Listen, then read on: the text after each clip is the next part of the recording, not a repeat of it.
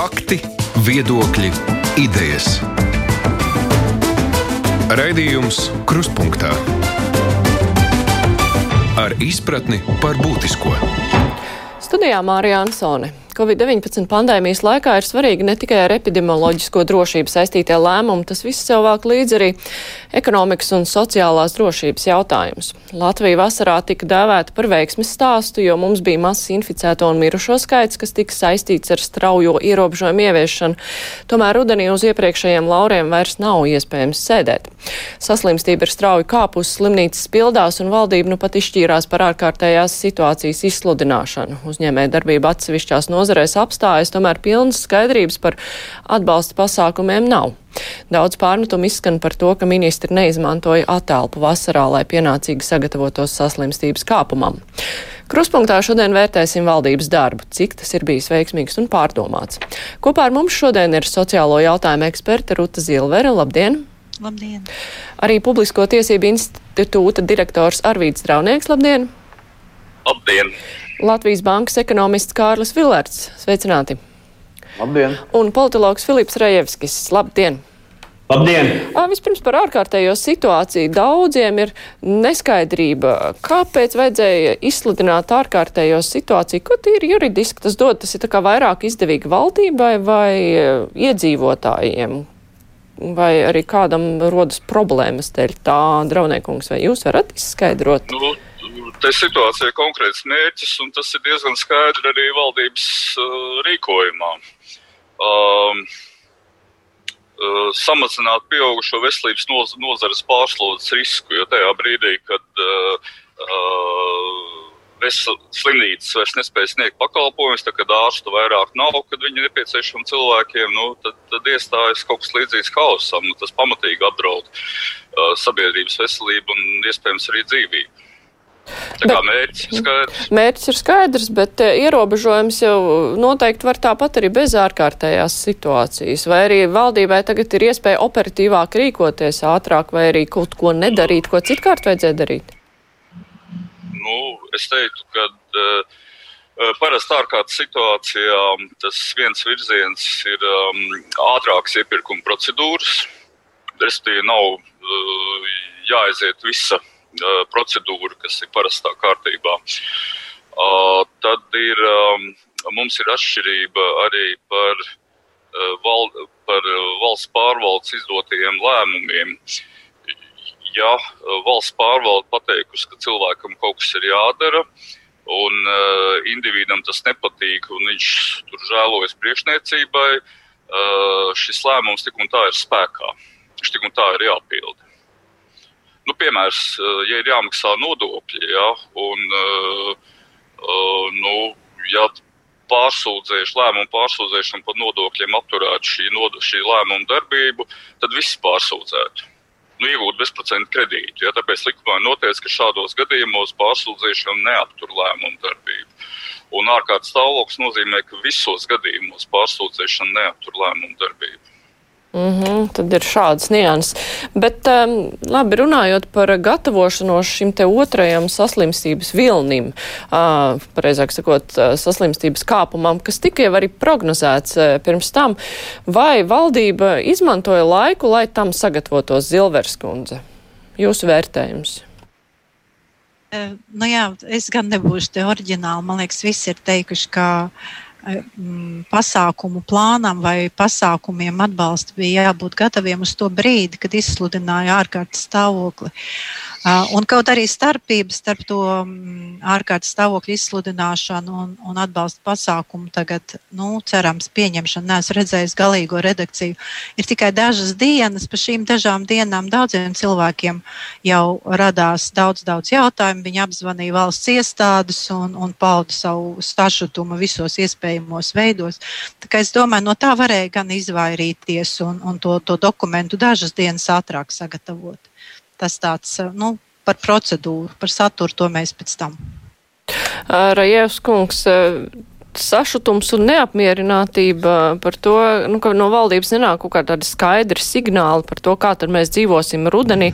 Nu, tas laika pa laikam izskanēja. Žurnālisti arī visu laiku prasīja, kas kavēja ātrāk rīkoties, vai tiešām valdība bija naiva, ka domāja, ka tas viss kaut kā mums ies secena, vai arī kāds vēl varētu būt iemesls, kāpēc nu, tas viss nāca tā lēnām un pietiekoši neskaidri, bez skaidriem signāliem?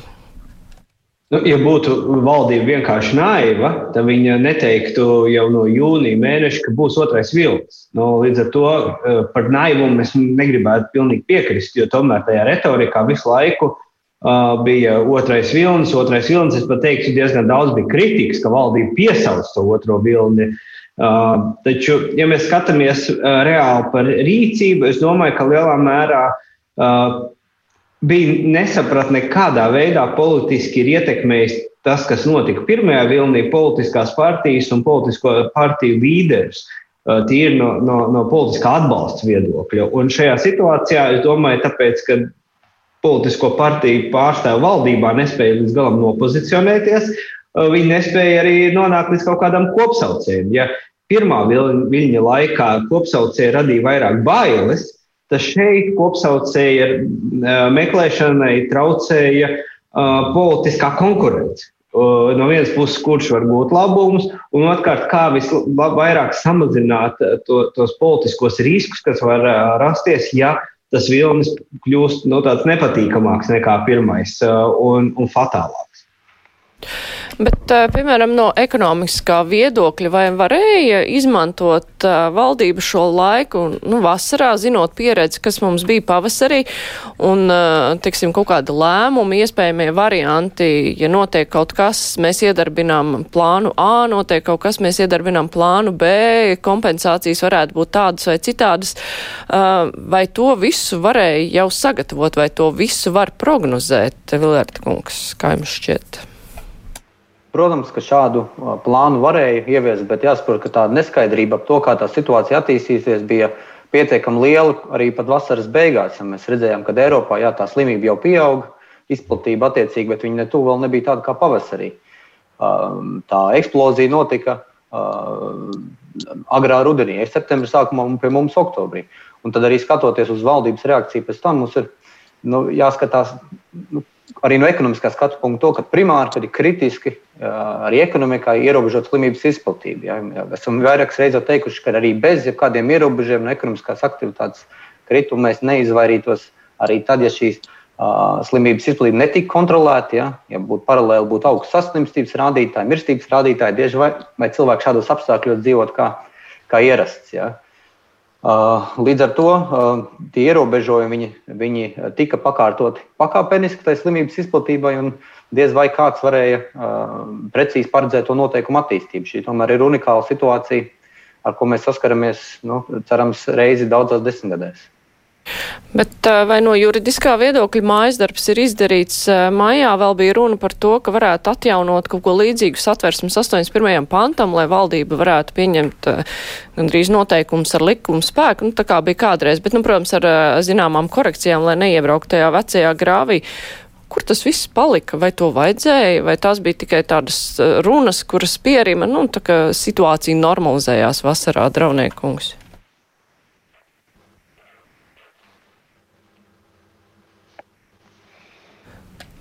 Diemžēl skaņas draudniekungam nav, vai jūs nevarat ir, jā, ir kārtībā. Uh, man galīgi negribētos jaukt klāt uh, konstitucionālo tiesību un juridiskās tehnikas diskusijas. Ir, uh, ir likums par uh, Covid-19 infekcijas izplatības pārvaldību, ir likums par ārkārtas stāvokli. Uh, tā kā es teiktu, ka tas juridiskais ietvers ir pietiekams. Nu, strādā ar tiem instrumentiem, kas ir. Protams, kādreiz uh, var gadīties, ka kāds instruments pietrūks, bet nu, šeit es teiktu, ka nekas valdībai nepietrūkst. Mm -hmm. Labi. Runājot par uh, ekonomisko atbalstu, kas tagad ir uh, ļoti aktuāli, nu, ir tā, ka valdība pieņēma piekdienu lēmumu par uh, ārkārtējās situācijas ieviešanu. Mēs zinājām iepriekšēji uh, ierobežojums, kas stājas spēkā no pirmdienas. Uh, iespējams, daudziem tas bija šoks, lai gan, nu, kā nojaust jau varēja, ka ierobežojumi būs lielāki. Tajā pašā laikā tam Eh, visam vienā komplektā nenāca atbalsta pasākumu, tikai tāda nu, ievirs par to, ka būs atbalsta pasākumi, bet neviens skaidri nezina, kādi. Tagad mēs zinām, ka atbalsta pasākums varētu uzņēmējs saņemt decembrī. Zilvers kundze, Kā jūs vērtējat šo lēmumu un veidu, kā līdz uh, cilvēkiem, kuri nevar strādāt, nonāks valdības piedāvātais atbalsts? Nē, nu, principā jau, ja runājam par algotiem darbiniekiem, tad ir skaidrs, ka viņi algu par uh, oktobri tikko saņem vai, vai saņems. Un nākošā alga jau viņiem arī būtu decembrī, nu, ja vienīgi avans pa vidu uh, ir ierasts saņemt. Nu, tas, tas, nu, laikam, darba devējiem kaut kādā veidā ir jāvienojas ar saviem darbiniekiem, vai viņš spēs izmaksāt pilnā vai daļējā apmērā. Bet, uh, tādā ziņā, ka atbalstu saņems tikai decembrī, es, es tā īsti neredzu nekādu lielu nu, problēmu.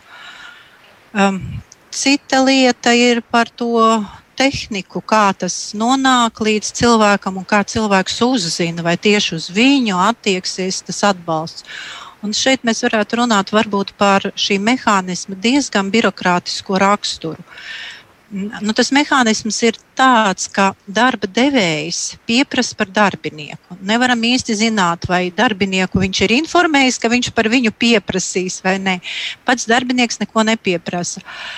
Darba devējs arī nezina to atbildi, vai būs tas atbalsts vai nebūs. Tas arī ievilksies kaut kur jau decembrī, jo viņam tas kritērijs ir um, attiecība pret augustu, septembri, oktobri tātad apgrozījumi pret novembri, kuru var aprēķināt loģiski tikai decembrī.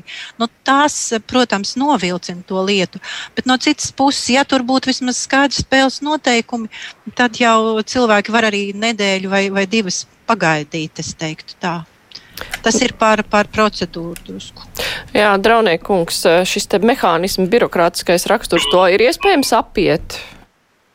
Ir, bet uh, turpinot Zilvers kundze iesākto tie noteikumi, jau ir skaidri. Šodien valdības sēdē par to lēma un pieņem ministrs kabinetu noteikumus, un tur ir skaidrība gan par uh, subsīdijām dīkstāvē, gan par subsidētajām darba vietām, gan arī par subsidētiem apgrozāmiem līdzekļiem, kādiem kritērijiem jāatbilst. Es tos visus neskaitīšu, jo te ir daudz simt punktu kopā. Ja. Uh, gan jau tas parādīsies uh, gan valdības preses konferencē, gan mēdījos, bet, bet tur ir taisnība ka tas ir darba devēja ziņā. Un darbinieks faktiski nevar darīt neko, un darbiniekam ir tāda, nu, tāda uh, nedrošības sajūta par savu nākotni. Uh, kā to novērst, es īsti nezinu.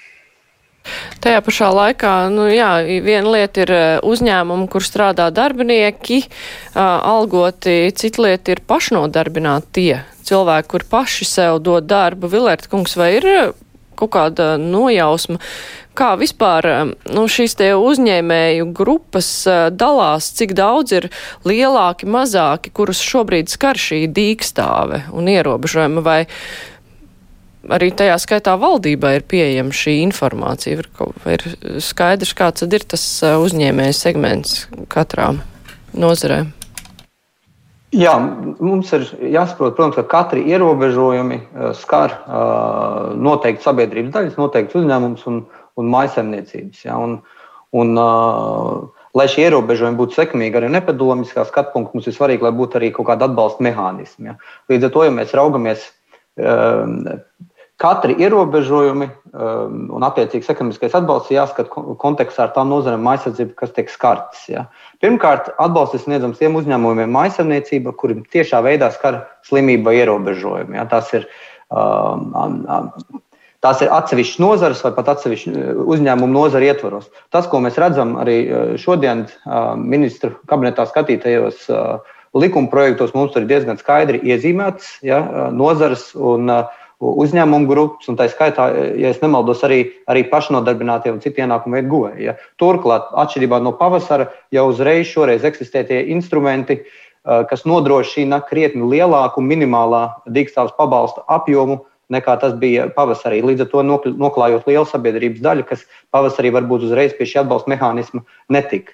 Tomēr šādu mērķētu atbalstu mēs varam īstenot tikai uz noteiktu laiku, kamēr mēs spējam identificēt tās nozares, un tās, tos uzņēmumus, ko tiešā veidā skar ierobežojumi. Pašlaik mēs to varam, bet situācijai ielūkstot ar vien lielāku tautsēmniecības daļu skars uh, slimības izplatība un ierobežojumi. Un tad mums ir jābūt šiem horizontālajiem risinājumiem, kas noklāja visas tautsēmniecības nozars un, uh, attiecīgi, uh, iesaistītās maisaimniecības un uzņēmumus. Līdz ar to mēs nešķirojot, kas, kas mūsuprāt ir skartie un kas nav skartie. Bet tas jau ir nākamais solis. Es izlasīšu eh, vienu saraksti no sociālajiem tīkliem. Eh, Ventspils mērs Vents Armans Krauklis ir ierakstījis Twitterī. Eh, Gēla nagu licēja viena pat audzina meitu, dzīvo no rokas mutē, nepelna tik, cik klienš, nopelna tik, cik klienš konkrētajā dienā, uzkrājuma nav. Tagad aizliegts strādāt. Kompensāciju saņems decembrī. Banka neaizdos, atliek ātrie kredīti. Cits komentētājs saka, jāzina vairāk šādu stāstus, plus ātrie kredīti arī ir izslēgti, jo ir jau kavēts aizņēmums pie viņiem. Ja valsts nes, nepasteigsies ar jēdzīgāku rīcību, cilvēki būs spiest aizbraukt. Uh, uh, jā, Valksmērs. Uh, es laikam kļūdījos. jā, Rejas kungs. Uh, ja mēs runājam par nu, cilvēkiem, kuri dara jā, kaut kādu savu darbiņu, viņš ir, pieņemsim, pašnodarbinātais, uh, nu, jācer arī maksā nodokļus, protams, par savu darbu, bet uh, nu, vai šī ziņa un sapratne, ka val, ir tagad krīzes situācija un valdība par jums parūpēsies, vai uh, vai šī ziņa nonāk pie cilvēkiem, vai tas e, viss ir pietiekoši skaidri izklāstīts, jo pilni sociālie tīkli ir ar e, šādiem stāstiem, ka es īsti nezinu, kas būs tālāk. Nu, te ir vairākas lietas. Viens ir uh, pats par sevi tas, ka valdība pieņēma pa priekšu uh, lēmumu par ārkārtas situācijas izsludināšanu un tikai pēc kaut kādām dienām pieņem lēmumu par atbalsta mehānismiem, kas, kas jau padarīja to visu nepatīkamāk. Jo tās, nu, it kā jau es skatījos vakar, tieši medijos bija retorika no politiķiem, nu, ka ļoti ātri jau piekdienu pieņēma. Un, un jau pirmdien ir uh, mehānismi izdomāti, bet pēc būtības tas jau notika pēc ļoti smagas spiediena. Vispār retorika piekdiena bija pilnīgi savādāk, kas, kas, kas, kas mulsina un, un, un neziņu un stresu sabiedrībā audzē. Otra lieta, kas uzslāņojās, ir debats par budžetu un nodokļu izmaiņām, kas nepadara to lietu nemaz nevienkāršāk. Cil, nu, normāls cilvēks īstenībā viņš ir pieredzējis uh, domāt par lietām, nu, tā, nu, vai, vai cik tas slikti nebūtu, no tādas negatīvās pieredzes viedokļa, ka, ka tā, nu, viņš gaida un meklē īstenībā vairāk negatīvo un baidās no tā negatīvā, nekā skatās pozitīvi uz šo lietu. Bet, un trešā lieta, kas, kas ja jūs pieminējāt konkrēto gadījumu, kas man, protams, teiksim, tā, rada liels jautājums, ir, kur tad ir pašvaldība vieta. Ja mēs paskatāmies par šādiem individuāliem gadījumiem, Mēs zinām, ka, ka sociāla atbalsta ziņā pašvaldībām ir sava funkcija mūsu, mūsu pārvaldes sistēmā valsts. Un šajā gadījumā tieši pašvaldība vislabāk zina un ir vistuvāk tam cilvēkam, nu, piemēram, šai Gēla Nanda licējai, kura ir nepieciešams šis pabalsts un atbalsts tieši šajā, šajā periodā starp valdības izsniegto un, un, un uh, viņas darba pārtraukumu. Un, ja pašvaldību vadītājs var atļauties tikai, tikai rakstīt Twitterī, bet nevis iedziļināties, kā pašvaldība var palīdzēt saviem iedzīvotājiem saviem instrumentiem, tas, tas arī, protams, nepadara situāciju vieglāku. Es domāju, ka šeit būtu jābūt ciešākai sadarbībai starp valdību un pašvaldībām, ko mēs īstenībā neredzam.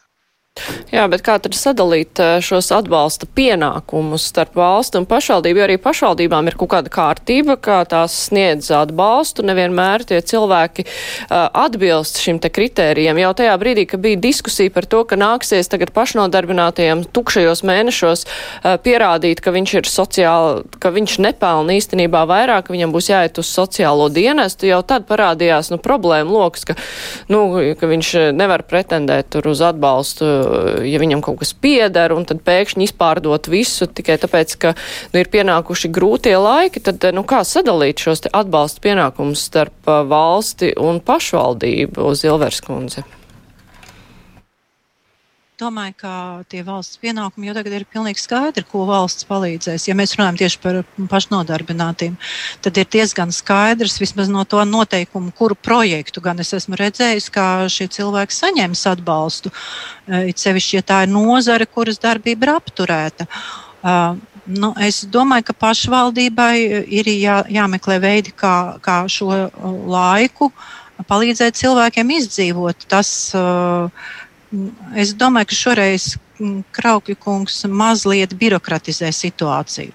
Pašvaldībām ir zināma fleksibilitāte, un ja viņai nav, tad viņai tā, par to ir jācīnās un to ir jāpanāk. Jo, nu, ja tur ir tiešām nepieciešama kāda ministra kabineta grozījuma, tā jau nu gan nebūtu nekāda problēma šajā situācijā. Es, es tiešām nezinu, uz ko Kraukļa kungs atsaucās, teikdams, ka pašvaldība ir ierobežota kaut kādā veidā palīdzēt. Es domāju, ka. Nē, viņš to nesaka. Es pieņemu, ka pašvaldībām ir kaut kāda kārtība, vai arī tā tās ir eh, tiešām ļoti elastīgas draunēkungs un redz cilvēkam ir grūtības, tad uzreiz piešķir kaut ko. Es domāju, ka ilgadēji pašvaldību vadītāji runā par naudu tiem resursiem, kas ir pašvaldības rīcībā, jo kas mums šobrīd notiek? Mēs esam tādā izdzīvošanas režīmā, budžetā nauda ienāk mazāk, izdevumi krietni lielāki un valsts aizņemās. Pašvaldības, katra pašvaldība atsevišķi nevar tādā veidā brīvi aizņemties naudu tirgū. Un, uh, līdz ar to pašvaldības resursi ir ierobežotāks. Bet tur ir pilnīgi taisnība Zilvers kundzei, ka uh, šis jau ir izdzīvošanas jautājums. Un pašvaldības ziņā būtu, lai cilvēks ir paēdis un saņem kaut kādu minimālo uh, medicīniskās palīdzības paku. Un, nu, līdzīgi organizējās barikāžu laikā, tieši tāpat ir jāorganizējas tagad, jo nekas jau nebeigsies 6. decembrī. Ja drusciņi paveiksies, tad uh, varbūt mēs varēsim Ziemassvētkos satikties vairākas mājsaimniecības, bet uh, pēc tam jau atkal būs ārkārtas stāvoklis, un būs vēl sliktāk, jo vairs uh, nevarēs identificēt palīdzības saņēmējus pēc kaut kādiem apgrozījuma kritumiem, jo vairs nebūs pret ko rēķināt. To Vilēra kungs noteikti pastāstīs. Un, un tad mums nāksies uh, sniegt palīdzību. Nu, tās saka, nemērķējot.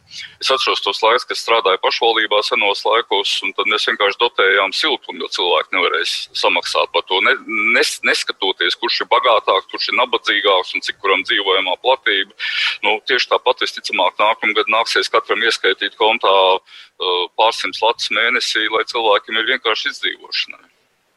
Vilērta kungs, tas ir risinājums, par ko nu pat Draunē kungs runāja, jo patiešām gads riņķī un jau vairs nezinās, eh, pret ko rēķināt. Protams, tas ir, eh, tas ir tas, ko es minēju, ka šobrīd, kamēr, kamēr mēs vēl spējam identificēt konceptuāli tās smagāk skartās nozares, tos eh, pabalstus var mērķiecīgāk izmantot. Ja? Bet ne, pabalsts, atbalsta mehānisms. Bet līdz ko tā situācija ievilks, un tiešām ticams, ka viņi var ievilkt, vai ne? Es nerunāju par ārkārtējo situāciju, bet par vispār slimības izplatību un, un ik pa brīdim nepieciešamību pastiprināt epidemioloģiskos ierobežojumus. Skaidrs, ka ar vien lielāka daļa tautsēmniecības būs skarta, un tad ir jādomā par tiem saucamiem horizontāliem risinājumiem. Ko tas nozīmē? Tas nozīmē, ka mēs neizvēlamies individuāls nozars vai uzņēmums, kas ir skarts, bet ir atbalsta mehānismi, kuriem pieteikties var visi, kas izpilda nu, kaut kādus uh, noteiktus uh, kritērijus. Līdz ar to jā, ir, nu, tā ir tāda loģiska pārēja no, arī no ekonomiskā atbalsta instrumentiem. Bet vēl viena piebilde varbūt par to ir, ir svarīgi saprast arī, kāpēc tie ekonomiskā atbalsta instrumenti varbūt uh, nedaudz kavējās šoreiz. Ja mēs paskatāmies no epidemioloģiskā skatu punkta, vēl oktobra sākumā neeksistēja diskusija par uh, ārkārtējo situāciju.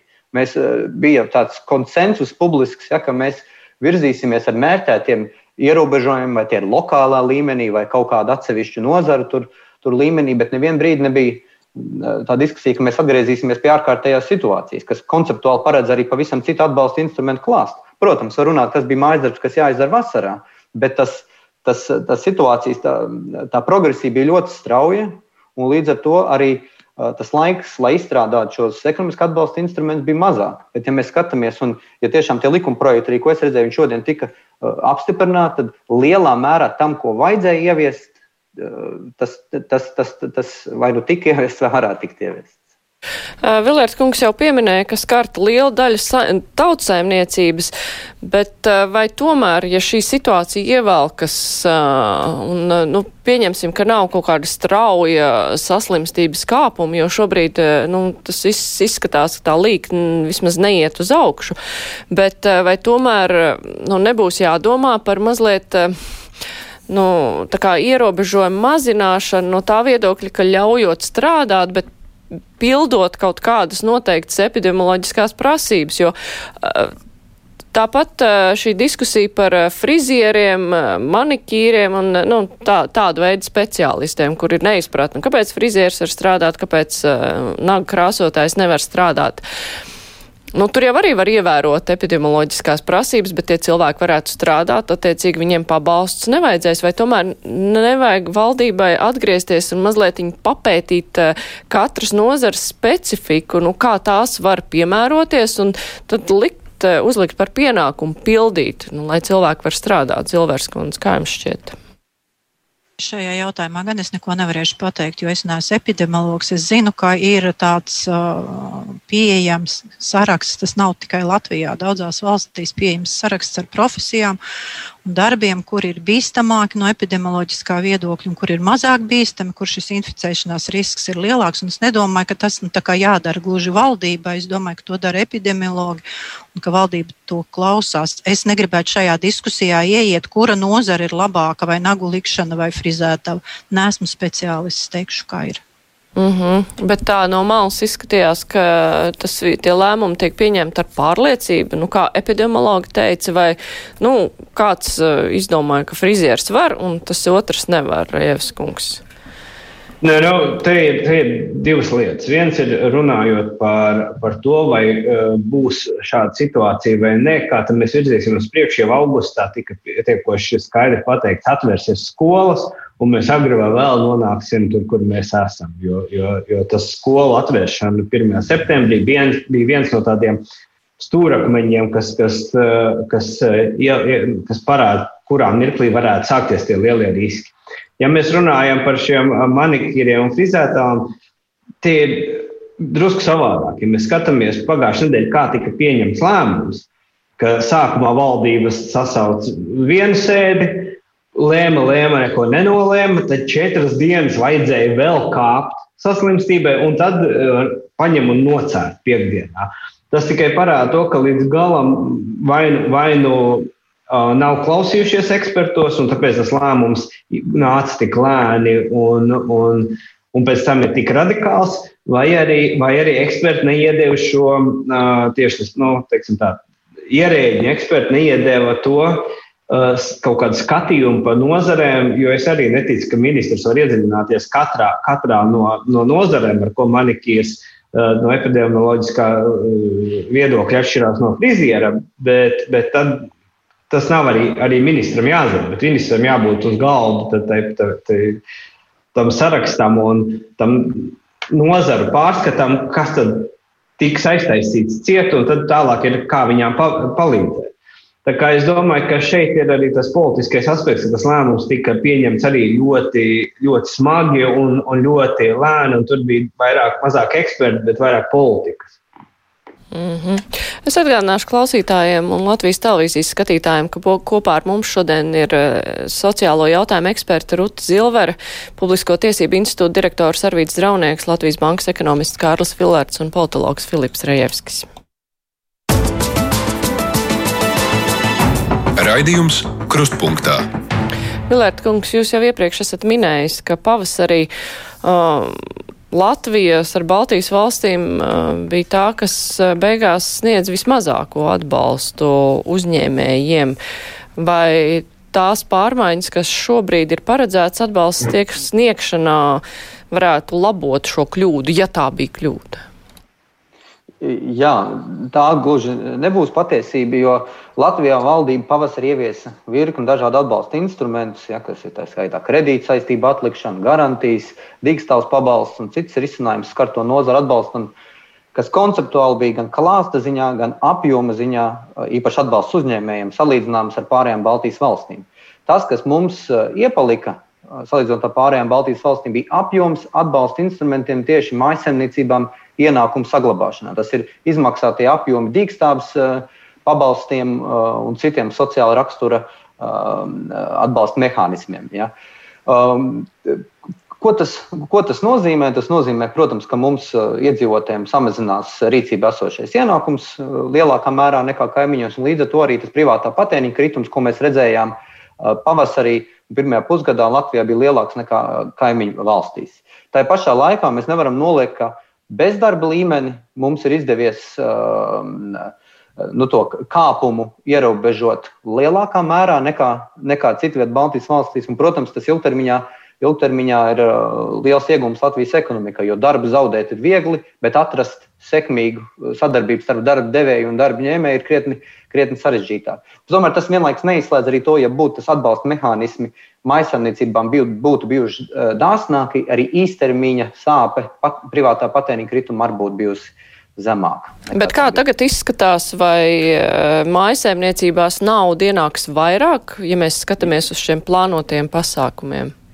Jā, pirmkārt, gribētu ticēt, ka ienāks vairāk, jā, jo dīkstāvis pabalsta nu, tas, tie, tie nosacījumi. Es saprotu, ka viņi ir mīkstināti, tāpat ir samazināts, tas, atvainojos, palielināts tas minimālais apjoms, kas ir dīkstāvis pabalsta, dīkstāvis pabalsta minimālais apjoms. Tāpat, kas ir svarīgi un ko mēs ilgstoši uzstājām arī pavasarī, ka ir nepieciešams risinājums, lai atbalstītu daļējas noslodzes, um, atbalstītu darbiniekus, kas ir nepilnībā zaudē eh, nodarbinātību uz doto brīdi, prodot dīkstāvē, bet ir, daļ, ir, ir slodzi samazināšanas situācijā, proti, strādā uz puslodzi vai uz, vai uz nepilnu slodzi. Attiecīgi. Un šajā gadījumā šis algu subsīdiju risinājums eh, šo problēmu risina. Tas ir noteikti solis uz priekšu, kas arī palīdzēs nu, saglabāt rīcībā esošos ienākumus.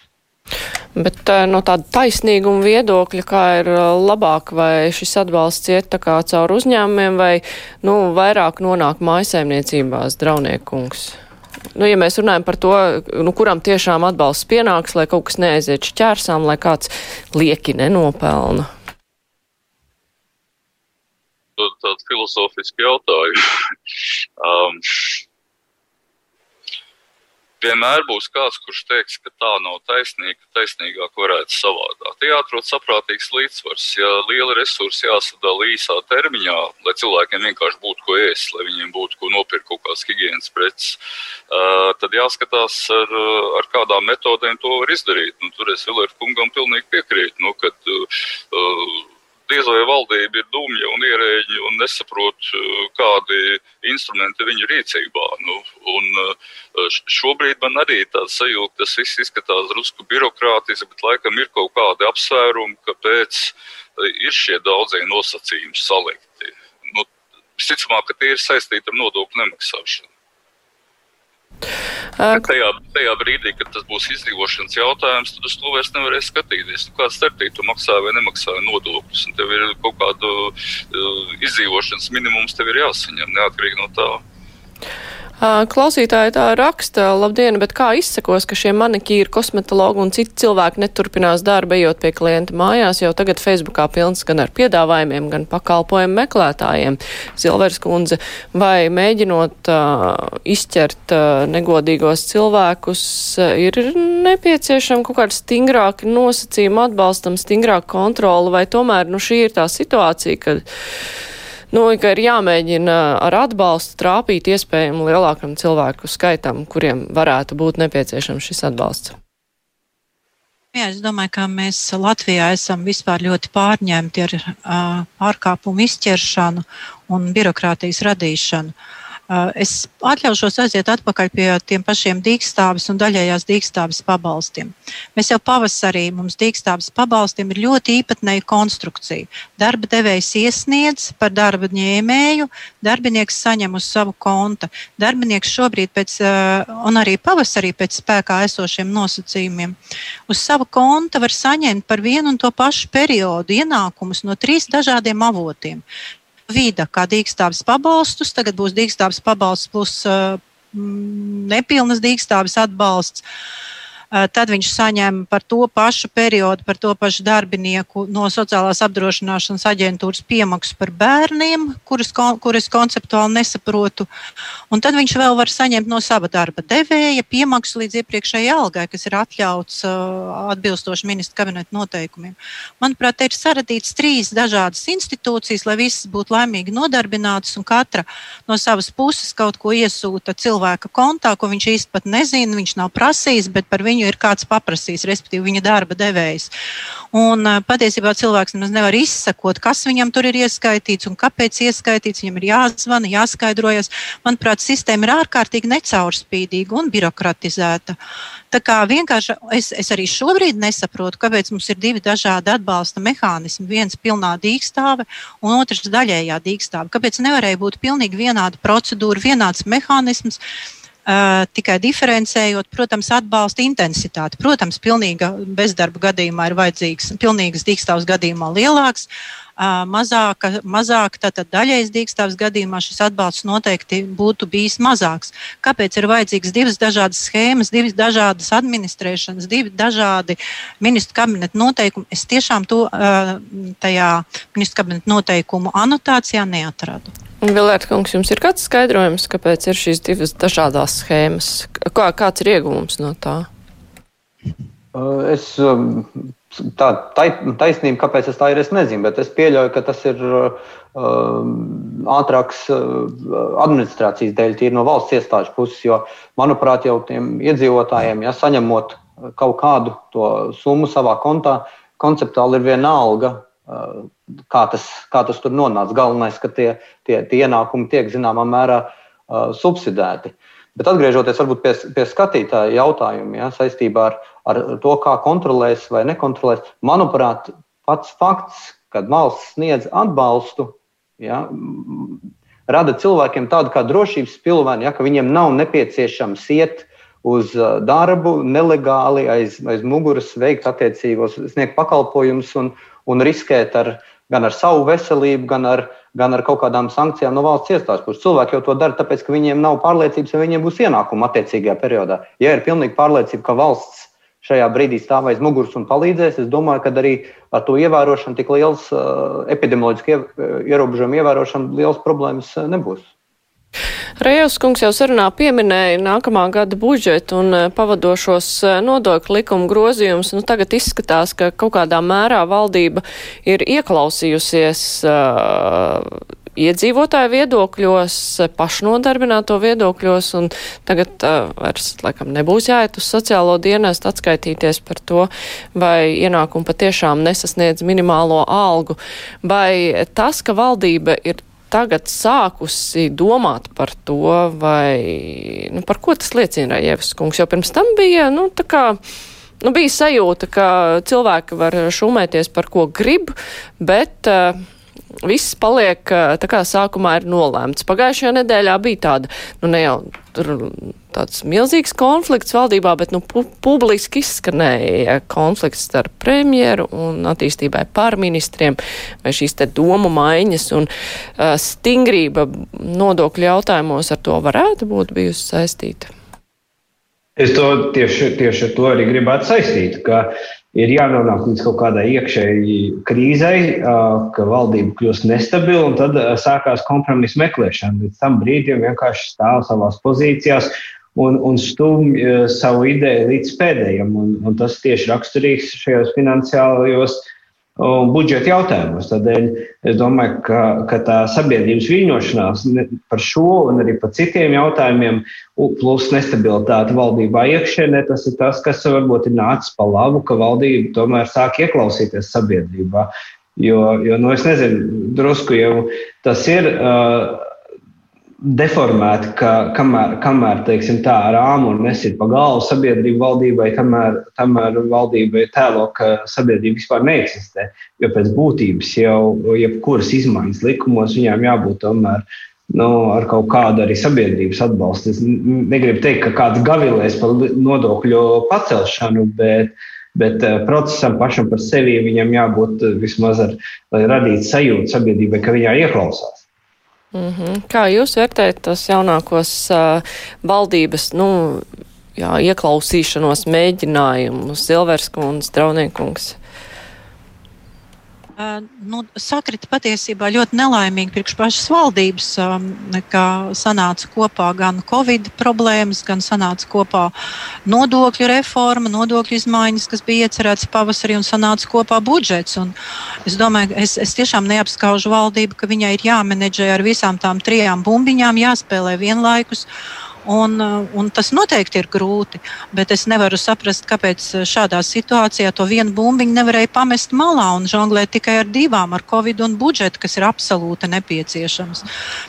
Es domāju, ka pati valdība sevi zināmā mērā iedzina tādā um, laika trūkumā un, un, un arī, arī tādā sociāla mm, neapmierinātības situācijā, ka cilvēki ir neapmierināti gan ar mm, covid, gan ar nodokļiem, un, un tur daudz nešķiro, par ko izsaka savu e, neapmierinātību. Es teiktu, ka mēs esam. Es pat nevaru pateikt, kas ir pie vainas, kas ir pirmcēlonis, vai tas ir jocīgais vēlēšana iznākums un nekad nebijusi koalīcijas kultūra tāda dīvaina, vai tas ir pats laiks, kas ir palicis plakanāks, bet mēs esam, mēs visi pievērsušies īstermiņa risinājumiem, aizmirstot, aizmirstot ka ilgtermiņa problēmas tik un tā būs kādreiz jārisina.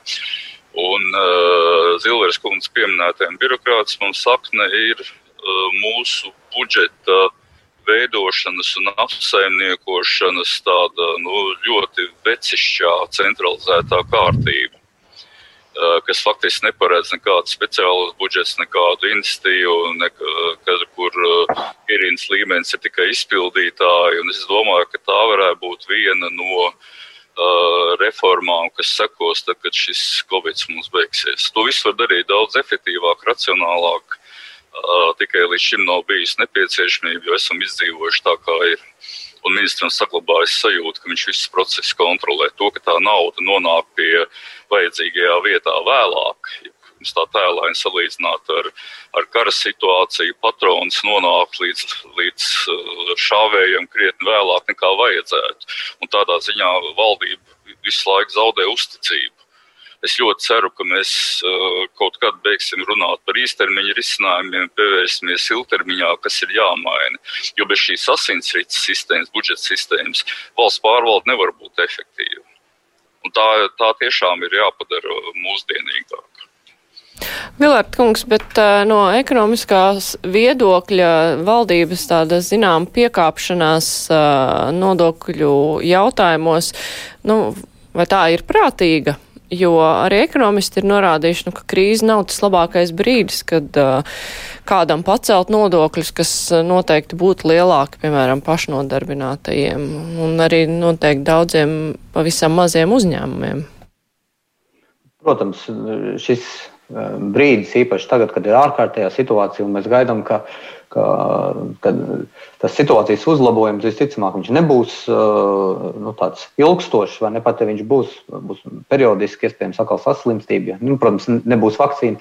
Tad tā, arī ekonomiskās sekas šai situācijai būs jūtams ilgi, un tas nav labākais brīdis, kad celt nodokļu slogu. Bet konceptuāli, manuprāt, Draudnieks ļoti labi to situāciju ilustrē. Jo arī raugoties no ekonomiskas skatu punkta, ar it kā nekaitīgām nodokļu pārmaiņām tika aizskarts jautājums par um, sociālā nodrošinājuma uh, tvērumu Latvijā. Ja, un, un par to, kā arī kas bija saistīts ar minimālām iemaksām, ja, kā nodrošināt noteiktām cilvēku grupām, lai, lai būtu uh, pietiekams sociālais sagums. Un tie veidi bija, uh, nu, nebūtu ne, ne optimāli, kas tika piedāvāti. Visticamāk, tur ir nepieciešams tāds fundamentāls pārskats, kā Latvijā tiek nodrošināta sociāla aizsardzība uh, šīm cilvēku grupām, kurām kurām uh, pašreiz tas, tas vārums nav liels, ja, kas ir, kas ir iespējams, ir, nu, ir, ir nepieciešams mierīgāk laika to darīt un nepieciešams arī tāds vienotāks redzējums koalīcijas ietvaros.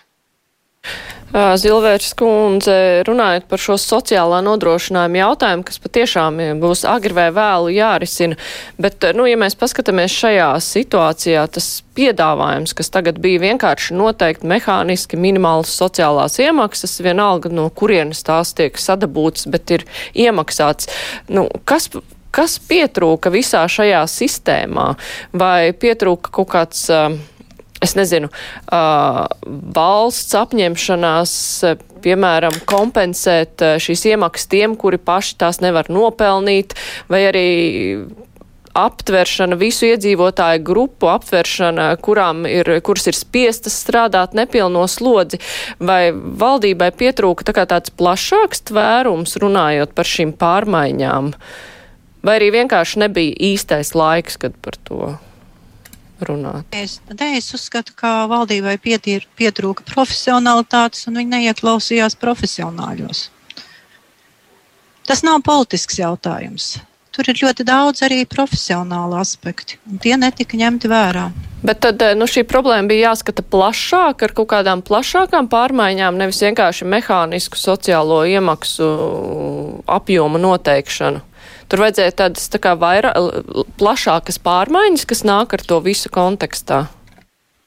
Nē, tur vajadzēja analīzi un skaidra atbildi, ko un kāpēc mēs ieviešam. Tur ir vajadzīga situācijas analīze un skaidrs, skaidrs uzstādījums, ko un kāda mērķa labad mēs ieviešam. Nevis tikai lozungi. Un to es saucu par profesionalitāti, ka ir apakšā izpēte, koncepcija ar variantiem un uh, risinājums izsvērts, tiek pieņemts politiski. Mm. Nu, tas būtu ministra darbs, bet uh, nu, ministri mums šajā koalīcijā ir dažādi. Nu, labklājības ministrs. Jā, un ekspertizi. Jā. Nezinu. Es gribētu izvirzīt hipotēzi, ka viņi politiski tieši otrādi tas ir, bija politiski ļoti izsvērti, jo tas ir pēdējais mirklis. Mums nāk trīs vēlēšanas pēc kārtas. Tagad ir pēdējais mirklis kaut ko tādu izdarīt, jo pēc tam nevarēs. Nu, pirms saimnes vēlēšanām neviens tādas izmaiņas neievieš. Bet tad uh, tas bija ne tikai labklājības uh, ministrijas un ministres uh, virzīts ierosinājums, bet tāds ļoti izsvērts ierosinājums no visas valdības puses, vairāk tā kā no finanšu ministrijas puses, Rēvs kungs.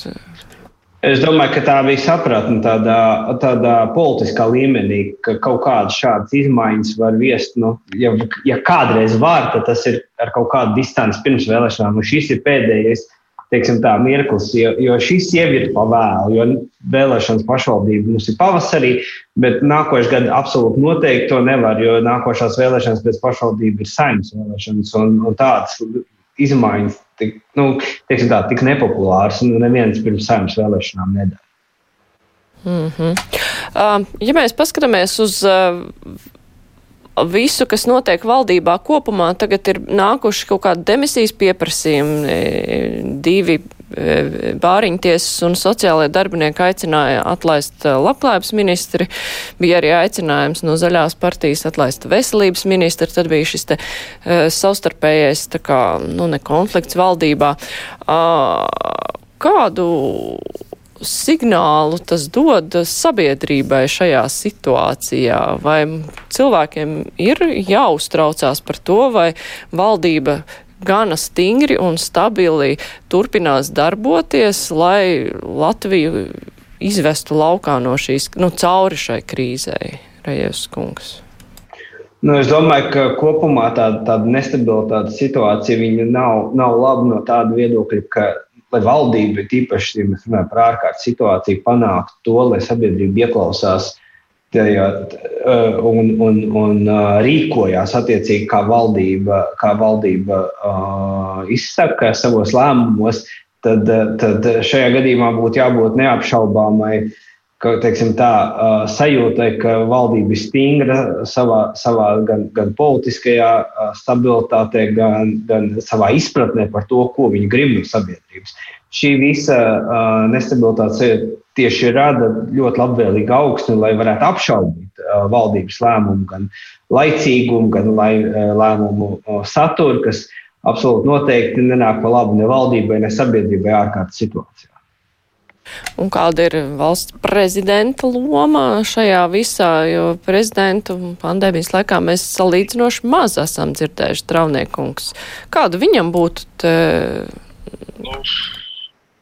Nu, es teiktu, no valsts prezidenta vispār nekas neatkarās. Viņš jau nevada valsti atšķirībā no Krievijas. Uh, valsts prezidents ir tā, tā tāds garīgais līderis. Un, uh, viņam laiks jāpasaka idejas, ko, ko citi uztver. Otrs, otra loma valsts prezidents ir savā ziņā tāds politiskais rezervists. Ja sākās politiskie kašķi vai krīzes, tad viņam ir jāizved ārā pēc iespējas ātrāk šīs politiskās krīzes. Uh, var jau būt, ka uh, valdība ir stabila tieši tāpēc, ka valsts prezidents to funkciju efektīvi veids. Ja viņš sāktu Eh, publiski izteikties par katru no ministriem, ko eh, domā, eh, tas diez vai veicinātu valdības stabilitāti valdība, e, valsts prezidents ir e, uzstājies kā tāds garīgais līderis Rejevs kungs. Viņš e, salīdzinoši nesen nāca klajā ar to vienu paziņojumu, kurā arī aicināja valdībai nākt klajā ar skaidru plānu, un tas bija tas, ko cilvēki gaidīja no valdības.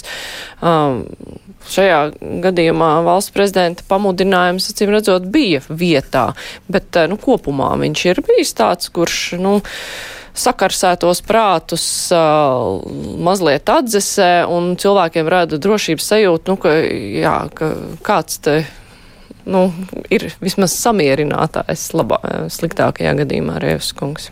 Es domāju, ka uh, prezidents šajā gadījumā ir ieņēmis tādu pašu vietu, kā viņš ieņēma pavasarī, bet pavasarī bija drusku savādāka situācija. Pavasarī valdība bija daudz rīcības spējīgāka. Ja mēs runājam par šī brīža situāciju, es domāju, ka prezidentam ļoti uzmanīgi jāsako līdzi, un te es varētu vēl kaut kādas zināmas paralēlas ar Zatlera rīcību 2000. 9. nemaldos, tajā mirklī, kad valdība kļūst rīcību nespējīga, ja, ja, ja tie strīdi sāk kavēt svarīgu lēmumu pieņemšanu, viņam ir tiesības sasaukt valdības sēdi ar savu dienas kārtību un piespiest ministrus tomēr lemt tās lietas, ko viņi negrib.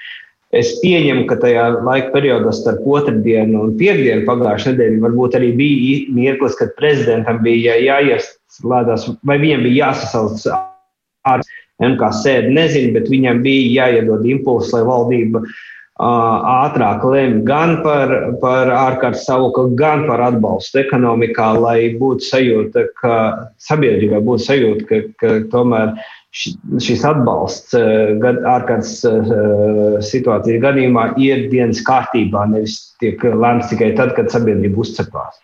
Filips, mēs jau nezinām, varbūt viņš to arī izdarīja un to arī panāca. Bet uh, ko gan mēs redzam, ka viņš neizmanto šo situāciju savas popularitātes celšanai.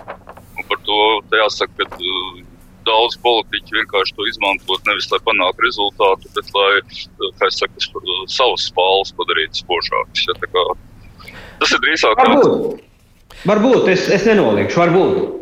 Jā, un katrā ziņā droši vien, ka sabiedrība arī mierīgāka, ja valsts prezidentam nav jāiesaistās, lai pavisam valdību nomierinātu, jo tā pavisam nezina, ko darīt.